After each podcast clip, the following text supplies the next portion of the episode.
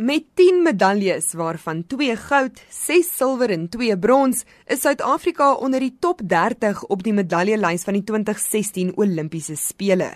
Dit is die beste prestasie sedert 1952. Maar as jy die bevolkingsgroei in ag neem, beteken dit dat Suid-Afrika 1 medalje vir ongeveer elke 5 miljoen Suid-Afrikaners gewen het. Die webtuiste Medals per Capita wat bevolkings en Olimpiese prestasie vergelyk, plaas Suid-Afrika daarom 56ste op die lys van presteerders per capita. Real Houman, 'n atletiekskrywer en statistikus, sê hy het nie meer verwag nie. Ek dink alles in ag genome moet ons met die bevolking wat ons het baie beter vaar. Ons moet 20 medaljes wen of meer. So in die omstandighede is is 10 genoeg. Ek het verwag ons gaan 6 kry. So ja, mense kan sê dat mense is tevrede, maar dit is net in die huidige omstandighede. Maar Houman, as ook professor Ben Kutse, verbonde aan die Noordwes Universiteit Potchefstroom kampus se skool vir biokinetika, rekreasie en sportwetenskap, is dit eens dat die konteks in ag geneem moet word. Selfs as jy na lande soos Amerika kyk wat veronderstel is om 'n eerste wêreldland te wees, is hulle rasio nog swakker. So in daai konteks beteken dit eintlik ons doen goed as jy dit nou vergelyk met groter lande. Maar in die konteks van ek dink waar die fokus is en wat die regering heeltyd bemark en weergee en ook die departement van sport en rekreasie sal mens verwag het dat ons behoort beter te kan doen.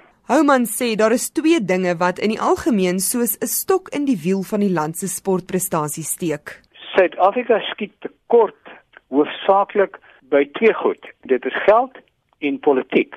Hy sê die staat voorsien nie genoeg finansiële ondersteuning om atlete te ontwikkel nie. Daar is duisende wage en duisende nouveaux in Suid-Afrika en waar Suid-Afrika tekort skiet teenoor die ander lande is daardie mense moet gesoek word, daardie kinders, hulle moet ontwikkel word en daarna moet hulle ondersteun word. Dit help nie ons ondersteun ons goue medaljewenners alleen nie. Die ander moet ook ondersteun word. Kutsie stem saam dat die gebrek aan befondsing sportprestasie knielter, veral as mens dit vergelyk met hoeveel ander lande aan sport bestee. As mens reg onthou die begroting wat neergelê is vir sport vir die nuwe finansiële jaar, spandeer ons regering eintlik nogal baie geld aan sport. Maar ons sien nie op grondvlak dat daai geld werklike invloed het nie. So hier is 'n paar aspekte wat ek dink baie drasties aandag moet kry. Die een is wat gebeur met ons afrigters wat eintlik op grondvlak met die atlete werk? en wat se finansiële belonings, opleiding, strukture is daar vir hulle beskikbaar? So daar gebeur iets met die allokering van die geld wat uiteindelik op grondvlak beskikbaar gestel word of bruikbaar raak vir die persone wat op grondvlak is. Houman sê politieke inmenging in sport is ook 'n kopseer. Die klem op transformasie in Suid-Afrikaanse sport trek alles skeef. Mense het dit die afgelope klompe jare veral in atletiek gesien waar atletiek as gevolg van politieke inmenging, as gevolg van korrupsie, as gevolg van kaderontwikkeling in die hoogste gestoeltes van die sport hulle borge verloor het, betrokke geraak het in 'n klomp hofsaake want die mense wat in beheer is daar en dit geld ook vir ander sporte is nie sportmense nie en hulle trek daardie organisasies uitmekaar uit. En Kutse voeg by dat politieke inmenging sigbaar is in verskillende aspekte van sport en die ontwikkeling van sportsterre. Ek dink waarna ons terugkom is wie is die fokus as geld geallokeer word? Is dit die administrateur wat uiteindelik meer vir homself wil wen uit hierdie situasie of is die fokus werklik om die atleet optimaal te ontwikkel? En ons ervaring en wat ons sien in praktyk is dat die administrateur, bestuurder of wie ook al aan hoof van daai program staan probeer skep en daai die arme atleet wat onder aan die program staan kry uiteindelik 'n druppel in die emmer van die totale emmer wat beskikbaar is.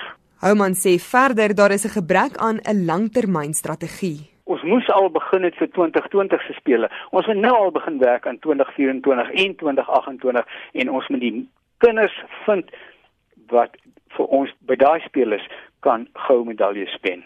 En hy is nie seker of die owerheid deur skade en skande wys sal word nie van die minister af onder toe is klop hulle self op die skouers. Ons het 10 medaljes gewen. Dis mos nou goed genoeg. So ek ek is 'n bietjie bevrees dat daar heeltemal 'n omswaai sal moet kom in hoe die sport van bo af geadministreer word want dan kan hulle ook sorg dat die klein dat elke individuele sport uh, reggeruk word. En eers dan, as die uitdagings met geld en politiek oorkom is, kan daar gekyk word na dinge soos die afrigting en voorbereiding van atlete, die opleiding van afrigters, spankeuse en beplanning op nasionale vlak. Aldus Houman. Kutse sê ondersteuning aan atlete is baie gebrekkig. Ons praat hier van jou wetenskaplike toetsing, programmering, ons praat van mediese sorg, ons praat selfs van kostes om alledaagse uitgawes te delg. Hy sê boonop fasiliteite is nie beskikbaar vir atlete om te oefen nie, wat beteken selfs al word die talent ontgin, moet die probleme met fasiliteite steeds aandag geniet. Daar is nie instandhouding van hierdie fasiliteite en dit lyk ook nie of daar nuwe fasiliteite tot stand gebring word in elk geval nie. Kutsie sê die sosio-ekonomiese klimaat van Suid-Afrika moet ook in ag geneem word. As jy gaan kyk na ander kwessies soos behuising, elektrisiteit, water, infrastruktuur, dan is sport word eintlik 'n leksheid in baie gevalle. Professor Ben Kutsie van die Noordwes Universiteit. Ek is Henry Wondergem vir SAK nuus.